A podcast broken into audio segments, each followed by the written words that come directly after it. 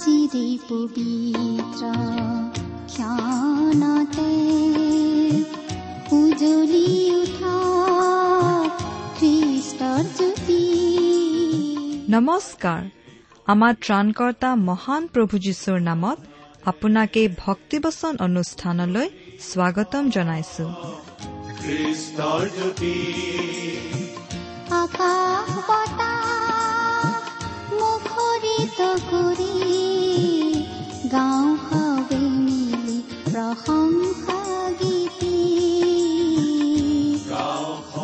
এয়া মুকলি কৰিছো। ঈশ্বৰৰ জীৱিত বাক্যৰ ধাৰাবাহিক অনুষ্ঠান ভক্তি বচন। আপোনাৰ জীৱনত যদি শান্তি পাব বিচাৰে তেন্তে এয়া ঈশ্বৰৰ বাক্যৰ সান্তনা বাক্য ভক্তি বচন। গতিকে আহক আজিৰ শিক্ষা শুনো।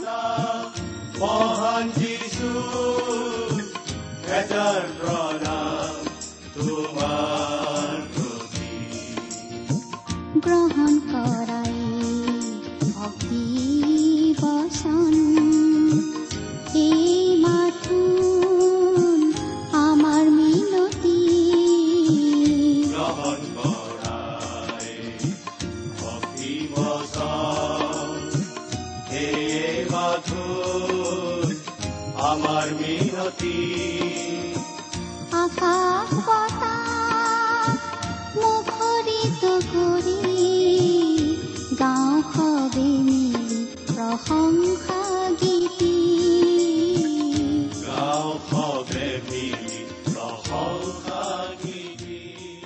আমাৰ মহান ত্ৰাণকৰ্তা প্ৰভু যীশুখ্ৰীষ্টৰ নামত নমস্কাৰ প্ৰিয় শ্ৰোতা।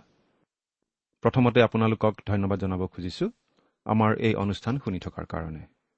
এই ভক্তিবচন অনুষ্ঠান আপোনালোকৰ বাবেই। এই অনুষ্ঠানত আমি ঈশ্বৰৰ মহান বাক্য বাইবেল শাস্ত্ৰ অধ্যয়ন কৰোঁ। বাইবেল ঈশ্বৰৰ বাক্য। বাইবেলত ইয়াক দুধৰীয়া চোকাতৰোৱাল বুলি কোৱা হৈছে। এই চোকাতৰোৱালে আমাৰ অন্তৰ ভেদ কৰি আমাৰ আন্তৰিক অৱস্থা উদঙাই দেখুৱায়। আমাৰ প্ৰকৃত আত্মিক অৱস্থা আমি বুজি পাওঁ। এই অনুষ্ঠানৰ যোগেৰে আপুনি কিমান লাভৱান হৈছে সেইটো আপুনি ভালদৰে জানিব। কিন্তু আপোনালোকৰ আগত এই অনুষ্ঠান আগবঢ়োৱা এই অধমে হ'লে ক'ব পাৰোঁ যে এই অনুষ্ঠানৰ জৰিয়তে এই অধম যথেষ্ট উপকৃত হৈছোঁ। কাৰণ আপোনালোকৰ আগত যিখিনি কথা আমি আগবঢ়াওঁ সেইখিনি কথা ঈশ্বৰৰ বাক্যই এই অধমকো কয়। প্ৰিয় শ্ৰোতা ঈশ্বৰৰ বাক্যক গুৰুত্ব সহকাৰে ল'বলৈ শিকিলে আমি আমাৰ জীৱনত নানা ধৰণে উপকৃত হ'মেই তাত সন্দেহ নাই। এই অনুষ্ঠান সম্বন্ধে আপোনাৰ বাৰু কিবা জনাবলগীয়া কথা আছে নেকি? আমালৈ চিঠি লিখি জনাবচোন। আমাৰ ঠিকনা? ভক্তিবচন টি ডব্লিউ আৰ ইণ্ডিয়া ডাক বাকচ নম্বৰ সাত শূন্য গুৱাহাটী সাত আঠ এক শূন্য শূন্য এক।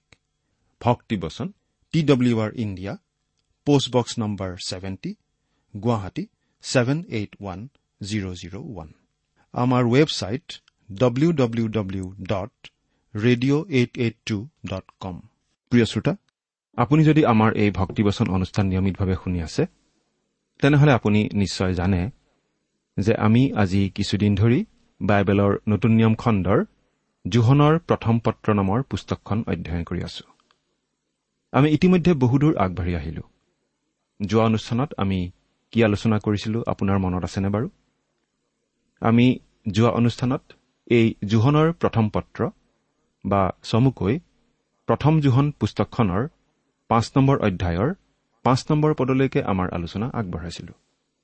গতিকে আজি আমি পাঁচ নম্বৰ অধ্যায়ৰ ছয় নম্বৰ পদৰ পৰা আমাৰ আলোচনা আৰম্ভ কৰিব খুজিছো। আমি এতিয়া যিখিনি কথা আলোচনা কৰিবলৈ আগবাঢ়িছো সেই কথাখিনিৰ এটা শীৰ্ষক আমি দিব পাৰোঁ। সেইটো হৈছে পৰিত্ৰাণৰ নিশ্চয়তা। এইটো খুব দৰকাৰী বিষয়। প্ৰতিজন খ্ৰীষ্টীয় বিশ্বাসীৰ বাবে। আহকচোন আজিৰ বাইবেল অধ্যয়ন আৰম্ভ কৰাৰ আগতে আমি পৰম পিতা পৰমেশ্বৰৰ ওচৰত প্ৰাৰ্থনা জনাওঁ। আমি প্ৰাৰ্থনা কৰোঁ। স্বৰ্গত থকা আমাৰ অসীম দয়ালু কৰুণাময় পিতৃ ঈশ্বৰ তোমাক ধন্যবাদ জনাইছো পিতা কিয়নো তোমাৰ চৰণত বহি তোমাৰ মহান বাক্য বাইবেল শাস্ত্ৰ অধ্যয়ন কৰি তোমাৰ মাত শুনিবলৈ তুমি আমাক আকৌ এই সুন্দৰ সুযোগ দিলা। প্ৰভু আমি দুৰ্বল পাপী মানুহ। তোমাৰ নাম লোৱাৰেই যোগ্য নহওঁ। কিন্তু একমাত্ৰ প্ৰভু যীশুত ভৰসা কৰি তোমাৰ ওচৰ চাপিছো পিতা। তুমি আমাৰ প্ৰাৰ্থনা শুনা। তোমাৰ বাক্য বুজাত আমাক সহায় কৰা। আমাৰ দৈনন্দিন জীৱনৰ বাবে প্ৰয়োজনীয় শিক্ষা আমাক দিয়া। আমাৰ আম্মিক জীৱনৰ উন্নতিৰ বাবে আমাক শিকোৱা। আমাৰ প্ৰত্যেককে তোমাৰ প্ৰেমৰ সোৱাদ ল'বলৈ দিয়া। আমাৰ প্ৰত্যেকৰে আগত প্ৰভু যীশুৰ মাজেদি আগবঢ়োৱা পৰিত্ৰাণৰ আঁচনি প্ৰকাশ কৰা। অনুষ্ঠান শুনি থকা আৰু কিবা কাৰণত আজি শুনিব নোৱাৰা আমাৰ প্ৰতিজন শ্ৰোতাক তুমি উপচি পৰাকৈ আশীৰ্বাদ কৰা। কিয়নো এই প্ৰাৰ্থনা আমাৰ হকে ক্ৰুচত প্ৰাণ দি আমাৰ পাপৰ প্ৰায়চিত্ৰ কৰি তৃতীয় দিনা পুনৰ জি উঠি এতিয়া স্বৰ্গত আমাৰ বাবে নিবেদন কৰি থকা মৃত্যুঞ্জয়ী প্ৰভু যীশুখ্ৰীষ্টৰ নামত আগবঢ়ালো। আমেন। আহকচোন প্ৰিয় শ্ৰোতা। আমি এতিয়া আমাৰ বাইবেল অধ্যয়ন আৰম্ভ কৰোঁ হওক। যোৱা অনুষ্ঠানত আমি প্ৰথম জোখন পুস্তকৰ পাঁচ নম্বৰ অধ্যায়ৰ পাঁচ নম্বৰ পদলৈকে চালো। আৰু এতিয়া আমি আৰম্ভ কৰিব ওলাইছো এই পাঁচ নম্বৰ অধ্যায়ৰ ছয় নম্বৰ পদৰ পৰা একেবাৰে বাৰ নম্বৰ পদলৈকে বাইবেল অধ্যয়ন। আৰু আমি আজি বিশেষভাৱে যিটো বিষয় আলোচনা কৰিম সেইটো হৈছে পৰিত্ৰাণৰ নিশ্চয়তা। আমি প্ৰভু যীশুক আমাৰ ত্ৰাণকৰ্তা বুলি গ্ৰহণ কৰি পৰিত্ৰাণ লাভ কৰোঁ অনন্ত জীৱন লাভ কৰোঁ পবিত্ৰ আত্মাৰ শক্তিৰে নতুন জন্ম লাভ কৰোঁ আৰু ঈশ্বৰৰ সন্তান হওঁ। এই কথাটো আমি নিশ্চিতভাৱে জানিব পাৰোঁ জনাটো সম্ভৱ। ঈশ্বৰৰ বাক্যৰ আধাৰতেই আমি পৰিত্ৰাণৰ এই নিশ্চয়তা লাভ কৰিব পাৰোঁ। প্ৰতিজন খ্ৰীষ্টীয় বিশ্বাসীৰ হৃদয়ত এই নিশ্চয়তা থকাটো সম্ভৱ আৰু থকাটো উচিতো। এতিয়া আমি বাইবেলৰ পৰা পাঠ কৰি যাম। আপোনাৰ বাইবেলখন মেলি লৈছেনে বাৰু? লগত যদি বাইবেল নাই অনুগ্ৰহ কৰি আমি পাঠ কৰি দিওঁতে মন দি শুনিব দেই। পাঠ কৰি দিম। প্ৰথম জোহন পাঁচ নম্বৰ অধ্যায় ছয় পদ। জল আৰু তেজেদি অহা জনা তেওঁৱেই অৰ্থাৎ যীশুখ্ৰীষ্টই। কেৱল জলেৰে নহয় কিন্তু জল আৰু তেজ এই উভয়েৰে। আমি এইখিনিতে এটা কথা মনত পেলাব খুজিছো। প্ৰভু যীশুক যেতিয়া ক্ৰুচত দিয়া হৈছিল তেওঁৰ হাড় ভঙা হোৱা নাছিল। ইতিমধ্যে ঈশ্বৰে ভাৱবাদীসকলৰ যোগেদি কৰি থোৱা ভৱিষ্যৎবাণী ফলিয়াবৰ কাৰণেই এনেদৰে ঘটিছিল। ৰোমিয়াসকলৰ নিয়ম মতে যেতিয়া কোনো লোকক ক্ৰুচত দি মৃত্যুদণ্ড দিয়া হৈছিল তেতিয়া ক্ৰুচত দিয়া মানুহজনৰ মৃত্যু সোনকালে ঘটিবলৈ মানুহজনৰ ভৰি ভাঙি দিয়া হৈছিল। কিন্তু প্ৰভু যীশুক ক্ৰুচত দিওঁতে তেনে কৰা হোৱা নাছিল। এই বিষয়ে আমি বাইবেলত এনেদৰে পঢ়িবলৈ পাওঁ। পঢ়ি দিছো। কিন্তু যেতিয়া যীশুৰ ওচৰলৈ আহিল তেতিয়া তেওঁৰ মৃত্যু হোৱা দেখি তেওঁৰ ভৰি নাভাঙিলে। তথাপি সেনাবিলাকৰ এজনে বৰচাৰে খোজ মাৰি তেওঁৰ কোষত বিন্ধিলে। আৰু তেতিয়াই তাৰ পৰা তেজ আৰু পানী বাহিৰ ওলাল। যিজনে দেখিলে সেইজনে সাক্ষ্য দিলে আৰু তেওঁৰ সাক্ষ্য সত্য। আৰু তেওঁ জানে যে তেওঁ সত্য কথা কৈছে যেন তোমাল বিশ্বাস কৰা। জোহন ঊনৈছ অধ্যায় তেত্ৰিছৰ পৰা পঁয়ত্ৰিছ পদ। যীচুক ক্ৰুচত দিয়া সময়ত পাচনি জোহন উপস্থিত আছিল আৰু তেওঁ সকলো কথা দেখি আছিল। তেওঁ আন কোনোৱে বিশেষভাৱে মন নকৰা কথাটো লক্ষ্য কৰিছিল। হয়তো আন আন শিষ্যসকলতকৈ তেওঁ বেছি ওচৰৰ পৰা সেই ঘটনা চাই আছিল। তেওঁ লক্ষ্য কৰিছিল যে যেতিয়া যীশুৰ কোষত জাঠিৰে খুচি দিয়া হৈছিল তেতিয়া তেজ আৰু পানী ওলাই আহিছিল। কেৱল এবিধ উপাদান নহয় দুবিধ তেজ আৰু পানী দুয়োবিধ ওলাই আহিছিল। এতিয়া এই পত্ৰখনত জোহনে সেই কথাটোৰ এটা বিশেষ অৰ্থ আমাৰ আগত উপস্থাপন কৰিছে। তেওঁ শুভবাৰ্তাত এই কথাটো বিশেষভাৱে উল্লেখ কৰিছে। আৰু এতিয়া সেই কথাটোলৈ আমাৰ দৃষ্টি আকৰ্ষণ কৰি কৈছে জল আৰু তেজেদি অহা জনা তেওঁৱেই। জল বা পানীয়ে বাৰু কি বুজায়? ই ঈশ্বৰৰ বাক্যক বুজায়। প্ৰভু যীশুৱে নিকডিমক এনেদৰে কৈছিল যীশুৱে উত্তৰ দিলে মই তোমাক অতি স্বৰূপকৈ কওঁ জল আৰু আত্মাৰ পৰা জন্ম নাপালে কোনেও ঈশ্বৰৰ ৰাজ্যত সোমাব নোৱাৰে। জোহন তিনি অধ্যায় পাঁচ পদ। পানী মানে হৈছে ঈশ্বৰৰ জীৱন্ত বাক্য আৰু ঈশ্বৰৰ আত্মাই সেই জীৱন্ত বাক্যক বিশেষভাৱে ব্যৱহাৰ কৰে। জল আৰু তেজেদি অহা জনা তেওঁৱেই। ঈশ্বৰৰ আত্মাই ব্যৱহাৰ কৰা ঈশ্বৰৰ জীৱন্ত বাক্য যীশুখ্ৰীষ্ট। আৰু তেজে বুজাই প্ৰভু যীশুখ্ৰীষ্টৰ ক্ৰুচীয় মৃত্যুক। জল আৰু তেজেদি অহা জনা তেওঁৱেই অৰ্থাৎ যীশুখ্ৰীষ্টই। কেৱল জলেৰে নহয় কিন্তু জল আৰু তেজ এই উভয়েৰে। এতিয়া সাত নম্বৰ পদটো পাঠ কৰি দিম। আৰু আত্মা সাক্ষ্য দিওঁতা কাৰণ আত্মাই সেই সত্য। আৰু আত্মা সাক্ষ্য দিওঁতা কাৰণ আত্মাই সেই সত্য। এই সত্যখিনি কেৱল ঈশ্বৰৰ আত্মাইহে জীৱন্ত কৰি তুলিব পাৰে। আমি এটা কথা বিশেষভাৱে মন কৰা উচিত। প্ৰভু যীশুৰ মৃত্যু আৰু পুনৰুত্থানৰ পাছত পঞ্চাছদিনীয়া পৰ্বৰ আগলৈকে শিষ্যসকলক প্ৰভু যীশুৱে বাট চাই থাকিবলৈ কৈছিল জিৰচালেমতেই। একো নকৰাকৈ। আনকি সাক্ষ্য দিবলৈকো তেওঁলোকক কোৱা হোৱা নাছিল। তেওঁলোকক পঞ্চাছদিনীয়া পৰ্বৰ আগতে সাক্ষ্য দিবলৈ কোৱা হোৱা নাছিল। কিয় বাৰু? কাৰণ পবিত্ৰ আত্মা অবিহনে তেওঁলোকে দিয়া সাক্ষ্য ফলহীন হলহেঁতেন। কিন্তু পঞ্চাছদিনীয়া পৰ্বৰ দিনা পবিত্ৰ আত্মা নামি অহাৰ পাছতহে তেওঁলোকক সাক্ষ্য দিবলৈ কোৱা হৈছিল।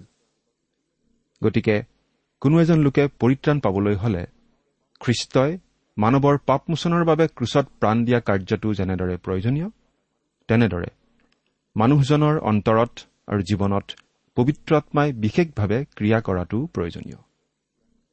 আমাৰ এই অনুষ্ঠান শুনি থকা কিছুমান শ্ৰোতাৰ পৰা পোৱা চিঠিয়ে আমাক উৎসাহিত কৰে। আৰু আমি বুজি পাওঁ যে ঈশ্বৰৰ আত্মাই ঈশ্বৰৰ বাক্য ব্যৱহাৰ কৰি মানুহৰ অন্তৰ আৰু জীৱনত খ্ৰীষ্টৰ তেজৰ শক্তি বাস্তৱ কৰি পাৰে। খ্ৰীষ্টই আমাৰ সকলোৰে পাপৰ কাৰণে ক্ৰুচত প্ৰাণ দিলে। কিন্তু সেই কথাটো আমাৰ জীৱনত বাস্তৱ কৰিব লাগিব পবিত্ৰ আত্মাই। কেৱল পবিত্ৰ আত্মাইহে সেই কথাটো আমাৰ বাবে বাস্তৱ কৰি তুলিব পাৰে। কেৱল পবিত্ৰ আত্মাইহে খ্ৰীষ্টৰ পুনৰুত্থানৰ শক্তি আমাৰ বাবে বাস্তৱ কৰি তুলিব পাৰে। এতিয়া আঠ নম্বৰ পদটো পঢ়ি দিম। কিয়নো আত্মা জল আৰু তেজ এই তিনিয়ে সাক্ষ্য দিছে। আৰু এই তিনিওৰো সাক্ষ্য এক। ইয়াত তিনিটা সাক্ষ্যৰ কথা উল্লেখ কৰা হৈছে। আৰু এই তিনিও সাক্ষীৰ মাজত থকা মিলটো কি বাৰু? এটা উদ্দেশ্যতেই তিনিও সাক্ষী একমত হয়। আৰু উদ্দেশ্যটো হৈছে প্ৰভু যীশুখ্ৰীষ্টক জগতৰ ত্ৰাণকৰ্তা হিচাপে প্ৰকাশ কৰা। যিজনে কালবাৰীৰ ক্ৰোচত নিজৰ অমূল্য তেজ বোৱাই আমাৰ পাপৰ বাবে নিজে শাস্তি বহন কৰিলে আমাৰ পাপৰ বাবে দিবলগীয়া বেচ নিজেই দিলে। কাৰণ আত্মা জল আৰু তেজ এই তিনিও সাক্ষ্য দিছে আৰু এই তিনিওৰে সাক্ষ্য এক। আৰু এই তিনিও সাক্ষী এতিয়া আমাৰ লগতে আছে। পবিত্ৰ আত্মাই ঈশ্বৰৰ বাক্য লৈ আমাৰ হৃদয়ত প্ৰয়োগ কৰে। কোনো এখন কিতাপ যেতিয়া আমি পঢ়ো আচলতে লিখোতাজনে লিখি থৈ যোৱাৰ বহুদিন পাছতহে আমি কিতাপখন পঢ়িবলৈ পাওঁ। বাইবেল ঈশ্বৰৰ বাক্য আৰু এই বাক্য ঈশ্বৰে লিপিবদ্ধ কৰোৱাই থৈছে আমাৰ বাবে। আমি যেতিয়া পঢ়ো পবিত্ৰ আত্মাই সেই বাক্য আমাৰ অন্তৰত আমাৰ জীৱনত প্ৰয়োগ কৰে জীৱন্ত কৰি তোলে। তেওঁ সাক্ষ্য দিয়ে তেওঁ সাক্ষী। তেওঁ ঈশ্বৰৰ বাক্যবোৰ সঁচা বুলি সাক্ষ্য দিয়ে যাতে আমি যীশুখ্ৰীষ্টক জানিব পাৰোঁ আমাৰ ত্ৰাণকৰ্তা বুলি বুজি পাব পাৰোঁ। প্ৰভু যীশুৱেই আমাৰ ত্ৰাণকৰ্তা বুলি আমি সেই জ্ঞান কেনেদৰে পাব পাৰোঁ? ঈশ্বৰৰ বাক্যৰ যোগেদি। আমি দেখিছো যে খ্ৰীষ্টৰ তেজে আমাক আমাৰ পাপৰ শাস্তিৰ পৰা উদ্ধাৰ কৰে। খ্ৰীষ্টক ত্ৰাণকৰ্তা বুলি গ্ৰহণ কৰিলে আমি পাপৰ শাস্তিৰ পৰা ৰেহাই পাওঁ কাৰণ আমাৰ হৈ খ্ৰীষ্টই সেই শাস্তি ল'লে ক্ৰুচৰ ওপৰত। আৰু তেনেদৰে পৰিত্ৰাণ লাভ কৰাৰ পাছত ঈশ্বৰৰ বাক্যই আমাক এই জগতৰ পাপৰ দ্বাৰা প্ৰভাৱিত হোৱাৰ পৰা আজি এই জগতত জীয়াই থাকোঁতে আমাক পাপৰ প্ৰভাৱৰ পৰা বচাই ৰাখিব পাৰে আৰু সেই কাম তেওঁ ঈশ্বৰৰ বাক্যৰ দ্বাৰাই কৰে। এইকাৰণেই আমি কেৱল ঈশ্বৰৰ বাক্য বিলাই থাকিব বিচাৰো। বহুতে ক'ব পাৰে আমি কেৱল এটা কথাই জানো বুলি। কেৱল ঈশ্বৰৰ বাক্যৰ কথা। আমি এটা সুৰেই সদায় বজোৱা বুলিও ক'ব পাৰে। আমি সদায় এটা বাৰ্তাই দিওঁ বুলিও ক'ব পাৰে। কেতিয়াবা হয়তো কথাবিলাক একঘামী যেন হৈ পৰিব পাৰে। কোনোবাই হয়তো আমনিও পাব পাৰে। কিন্তু দিবলৈ বা ক'বলৈ আমাৰ আৰু আন বাৰ্তা নাই। কাৰণ ঈশ্বৰৰ বাক্যৰ বাহিৰে আন একোৱেই আমাৰ খ্ৰীষ্টীয় বিশ্বাসীসকলৰ জীৱন পৰিষ্কাৰ কৰিব নোৱাৰে। আৰু প্ৰতিজন খ্ৰীষ্টীয় বিশ্বাসীৰ জীৱন পৰিষ্কাৰ কৰি ৰাখিব পাৰে একমাত্ৰ ঈশ্বৰৰ বাক্যইহে। সেইবাবে আমি কেৱল ঈশ্বৰৰ বাক্যই বিলাওঁ ঈশ্বৰৰ বাক্য অধ্যয়ন কৰিবলৈকে মানুহবোৰক উদগাওঁ। আমি যি যুগত বাস কৰি আছো এই যুগত মানুহে পৰিষ্কাৰ পৰিচ্ছন্নতাক লৈ খুব সচেতন। মানুহে পৰিষ্কাৰ পৰিচ্ছন্নতাৰ কথা খুব কয়। বহু সময়ত আনকি প্ৰয়োজনতকৈও অধিক সচেতন হয় মানুহবোৰ। আমি বিজ্ঞাপনবোৰ দেখি দেখিও আচৰিত হওঁ। বিজ্ঞাপনত কিছুমান কথা এনেকৈ দেখুওৱা হয় যেন কিবা এবিধ চাবোন ব্যৱহাৰ নকৰিলে আমি একেবাৰে লেতেৰা হৈ থাকিম। আমাক বাটে পথে সকলোতে মানুহে লেই লেই চেই চেই কৰিব। আনকি হয়তো আমাৰ চাকৰিও যাব পাৰে। সৰ্বসাধাৰণ মানুহক সহজে ভুল নিয়াব পৰা এনেকুৱা বহুতো বিজ্ঞাপন আমি দেখো। কোনো এবিধ চাবোনে হয়তো আমাৰ শৰীৰৰ বীজাণুবোৰ দূৰ কৰি ধুই দিব পাৰে। কোনো চাবোনে হয়তো আমাৰ কাপোৰ কানিবোৰ বগলীৰ পাখিৰ নিচিনা ঢকঢকীয়া বগা কৰি ধুব পাৰে। কিন্তু আমাৰ ভিতৰখন আমাৰ অন্তৰখন পৰিষ্কাৰ কৰিব নোৱাৰে। আমি বাহিৰখন চিকচিকীয়া কৰিলেও ভিতৰখন পৰিষ্কাৰ নহয়। আমাৰ ভিতৰখন আমাৰ অন্তৰখন পৰিষ্কাৰ কৰিব পাৰে একমাত্ৰ ঈশ্বৰৰ বাক্যইহে। ঈশ্বৰৰ বাক্যই হৈছে একমাত্ৰ অলৌকিক চাবোন। ই আমাক পৰিষ্কাৰ কৰিব পাৰে আমাক পৰিত্ৰাণ দিব পাৰে। আমি বাইবেলত এনেদৰে পাওঁ কিয়নো তোমালোক ক্ষয়নীয় বীজৰ পৰা নহয় ক্ষয় বীজৰ পৰা। অৰ্থাৎ ঈশ্বৰৰ জীৱনময় আৰু চিৰস্থায়ী বাক্যৰ দ্বাৰাই পুনৰ জন্ম পোৱা হৈছা। প্ৰথম পিতৰ প্ৰথম অধ্যায় তেইছ পদ। কাৰণ ঈশ্বৰৰ বাক্যইহে আমাৰ বাবে ক্ৰুচত প্ৰাণ দিয়া আমাৰ পাপমোচন কৰোতা যীশুৰ বিষয়ে আমাক জনাব পাৰে। তেওঁ আমাৰ পাপৰ নিমিত্তে ক্ৰুচত হত হ'ল। আমাৰ ধাৰ্মিকতাৰ অৰ্থে তেওঁক তোলা হ'ল। তেওঁ পুনৰুত্থিত হ'ল। ঈশ্বৰৰ বাক্যই আমাক পৰিত্ৰাণ দিব পাৰে। ঈশ্বৰৰ বাক্যই আমাক এই পৃথিৱীত জীয়াই থকা কালতে পৰিষ্কাৰ কৰিও ৰাখিব পাৰে। আমি যিমানেই স্নো পাউডাৰ সুগন্ধি দ্ৰব্য নানাবিধ প্ৰসাধন সামগ্ৰী আদি ব্যৱহাৰ নকৰো কিয়? আমি কিন্তু আমাৰ ভিতৰখন পৰিষ্কাৰ কৰিব নোৱাৰো আকৰ্ষণীয় কৰিব নোৱাৰো। কিন্তু ঈশ্বৰৰ বাক্যইহে আমাক পৰিষ্কাৰ কৰি ৰাখিব পাৰে। এই কথাটোকে আমি ইয়াত বিশেষভাৱে মন কৰা উচিত। এই পৃথিৱীত এই তিনিওটাই সাক্ষ্য দিয়ে। জল তেজ আৰু আত্মা। আৰু তিনিওৰে সাক্ষ্য এক। পবিত্ৰ আত্মাই জল অৰ্থাৎ ঈশ্বৰৰ বাক্য ব্যৱহাৰ কৰে। আৰু খ্ৰীষ্টৰ তেজৰ যোগেদি আমি যি পৰিত্ৰাণ লাভ কৰোঁ সেই কথা আমাৰ বাবে বাস্তৱ কৰি তোলে। আৰু এই তিনিওৰে সাক্ষ্য এক। এই তিনিওৰে সাক্ষ্য এটাই। মানুহক প্ৰভু যীশুৰ যোগেদি পৰিত্ৰাণ দিয়া আৰু আমাক অনবৰতেই পৰিত্ৰাণ দি ৰখা ছয়তানৰ প্ৰভাৱৰ পৰা। এতিয়া ন নম্বৰ পদটো পঢ়ি দিম। আমি যদি মানুহবিলাকৰ সাক্ষ্য গ্ৰাহ্য কৰোঁ তেন্তে ঈশ্বৰৰ সাক্ষ্য তাতকৈ শ্ৰেষ্ঠ। কিয়নো এয়ে ঈশ্বৰৰ সাক্ষ্য যে তেওঁ নিজৰ পুত্ৰৰ বিষয়ে সাক্ষ্য দিলে। প্ৰিয় শ্ৰোতা আপোনালোকৰ কথা ক'ব নোৱাৰো কিন্তু আমি এনেকুৱা বহুত মানুহ লগ পাওঁ। যিসকলে বহুতো বাতৰি কাকত বাতৰি যোগান ধৰা সংস্থা আলোচনী নেতা আদিৰ কথা সঁচা বুলি মানি ল'বলৈ টান পায়। আমি বিভিন্ন প্ৰচাৰ মাধ্যমৰ বিষয়ে এনে মত পোষণ কৰিব পাৰোঁ যে বেছিভাগ ক্ষেত্ৰতেই বিশেষ উদ্দেশ্য প্ৰণোদিত হৈহে কিছুমান বাতৰি আমাৰ আগত উপস্থাপন কৰা হয়।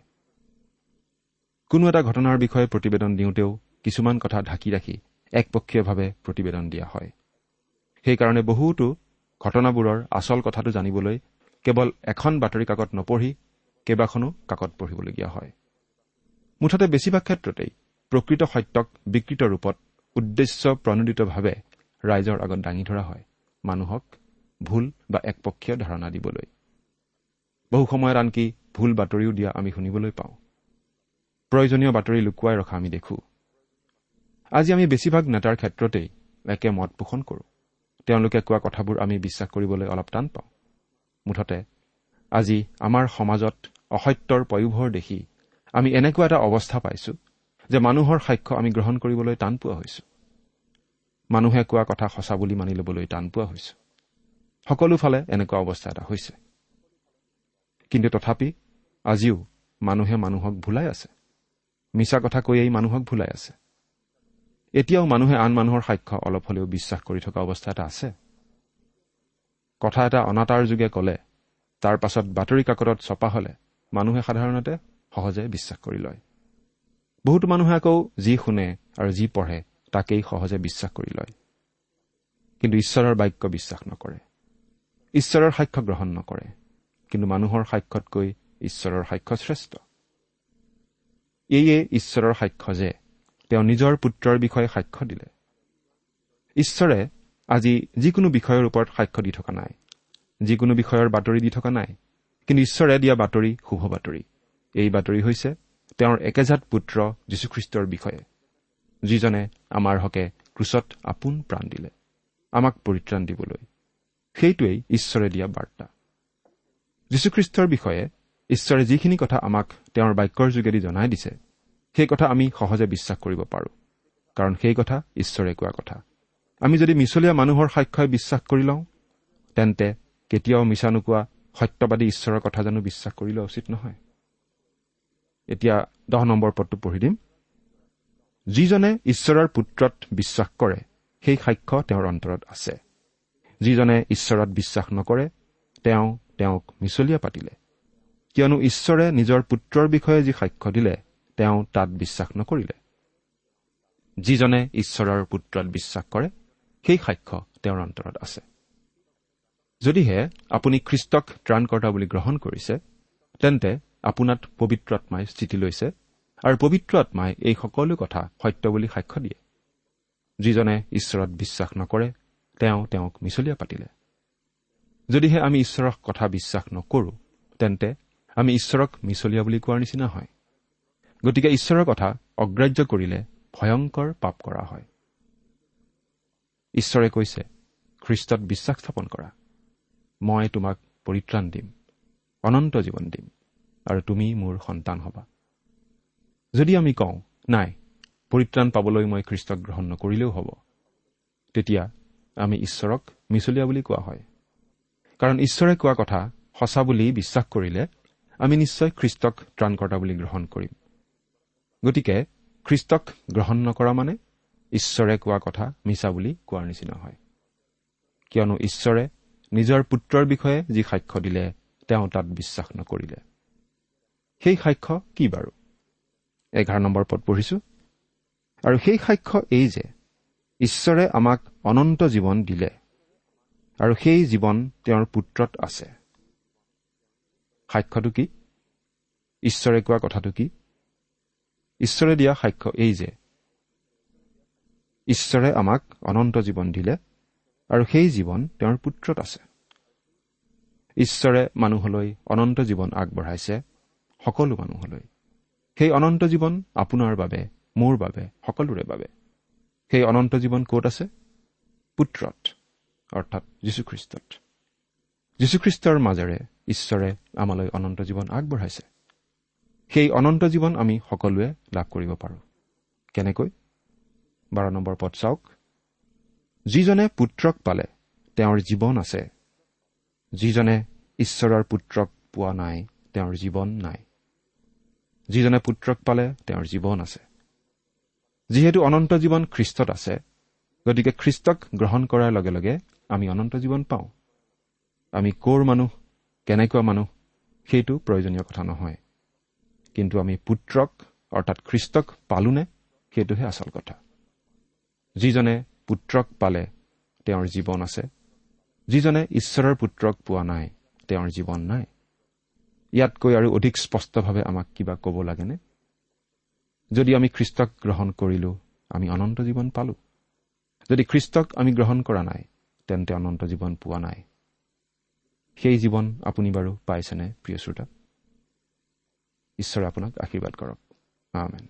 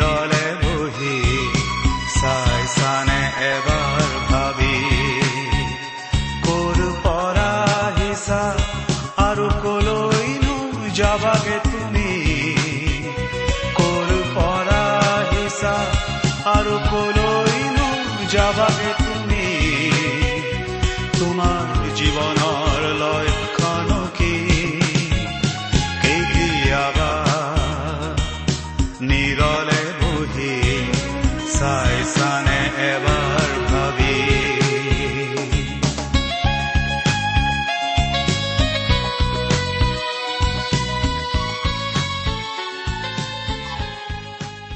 ইমান পৰে আপুনি ভক্তিবচন অনুষ্ঠানটি শুনিলে। এই বিষয়ে আপোনাৰ মতামত জানিবলৈ পালে আমি নথৈ আনন্দিত হ'ম আমি প্ৰস্তুত কৰা বাইবেল অধ্যয়নৰ আন চিডিসমূহ পাব বিচাৰিলেও আমালৈ লিখক। অনুষ্ঠানটি শুনি কেনে পালে আমালৈ চিঠি লিখি জনাবচোন। অনুষ্ঠানত প্ৰচাৰ কৰা কোনো কথা বুজিব লগা থাকিলেও আমালৈ লিখক। আমাৰ ঠিকনা? ভক্তিবচন ট্ৰান্স ৱৰ্ল্ড ৰেডিঅ' ইণ্ডিয়া ডাক বাকচ নম্বৰ সাত শূন্য গুৱাহাটী সাত আঠ এক শূন্য শূন্য এক। ঠিকনাটো আৰু এবাৰ কৈছো ভক্তিবচন ট্ৰান্স ৱৰ্ল্ড ৰেডিঅ' ইণ্ডিয়া ডাক বাকচ নম্বৰ সাত শূন্য গুৱাহাটী সাত আঠ এক শূন্য শূন্য এক। আমাৰ ইমেইল এড্ৰেছটো হৈছে S M T T B at the rate radio' eight eight two dot com আমাৰ website W W W dot T W R dot in আপুনি টেলিফোনৰ মাধ্যমেৰেও আমাক যোগাযোগ কৰিব পাৰে। আমাৰ টেলিফোন নম্বৰটো হৈছে শূন্য তিনি ছয় এক দুই ছয় শূন্য চাৰি ছয় সাত এক। ফোন নম্বৰটো আকৌ এবাৰ কৈছো zero' three six one two six zero' four six seven one. আজিৰ অনুষ্ঠানটি ইমানতে সামৰিছো। ঈশ্বৰৰ শান্তি আৰু অনুগ্ৰহ আপোনাৰ লগত থাকক। ধন্যবাদ।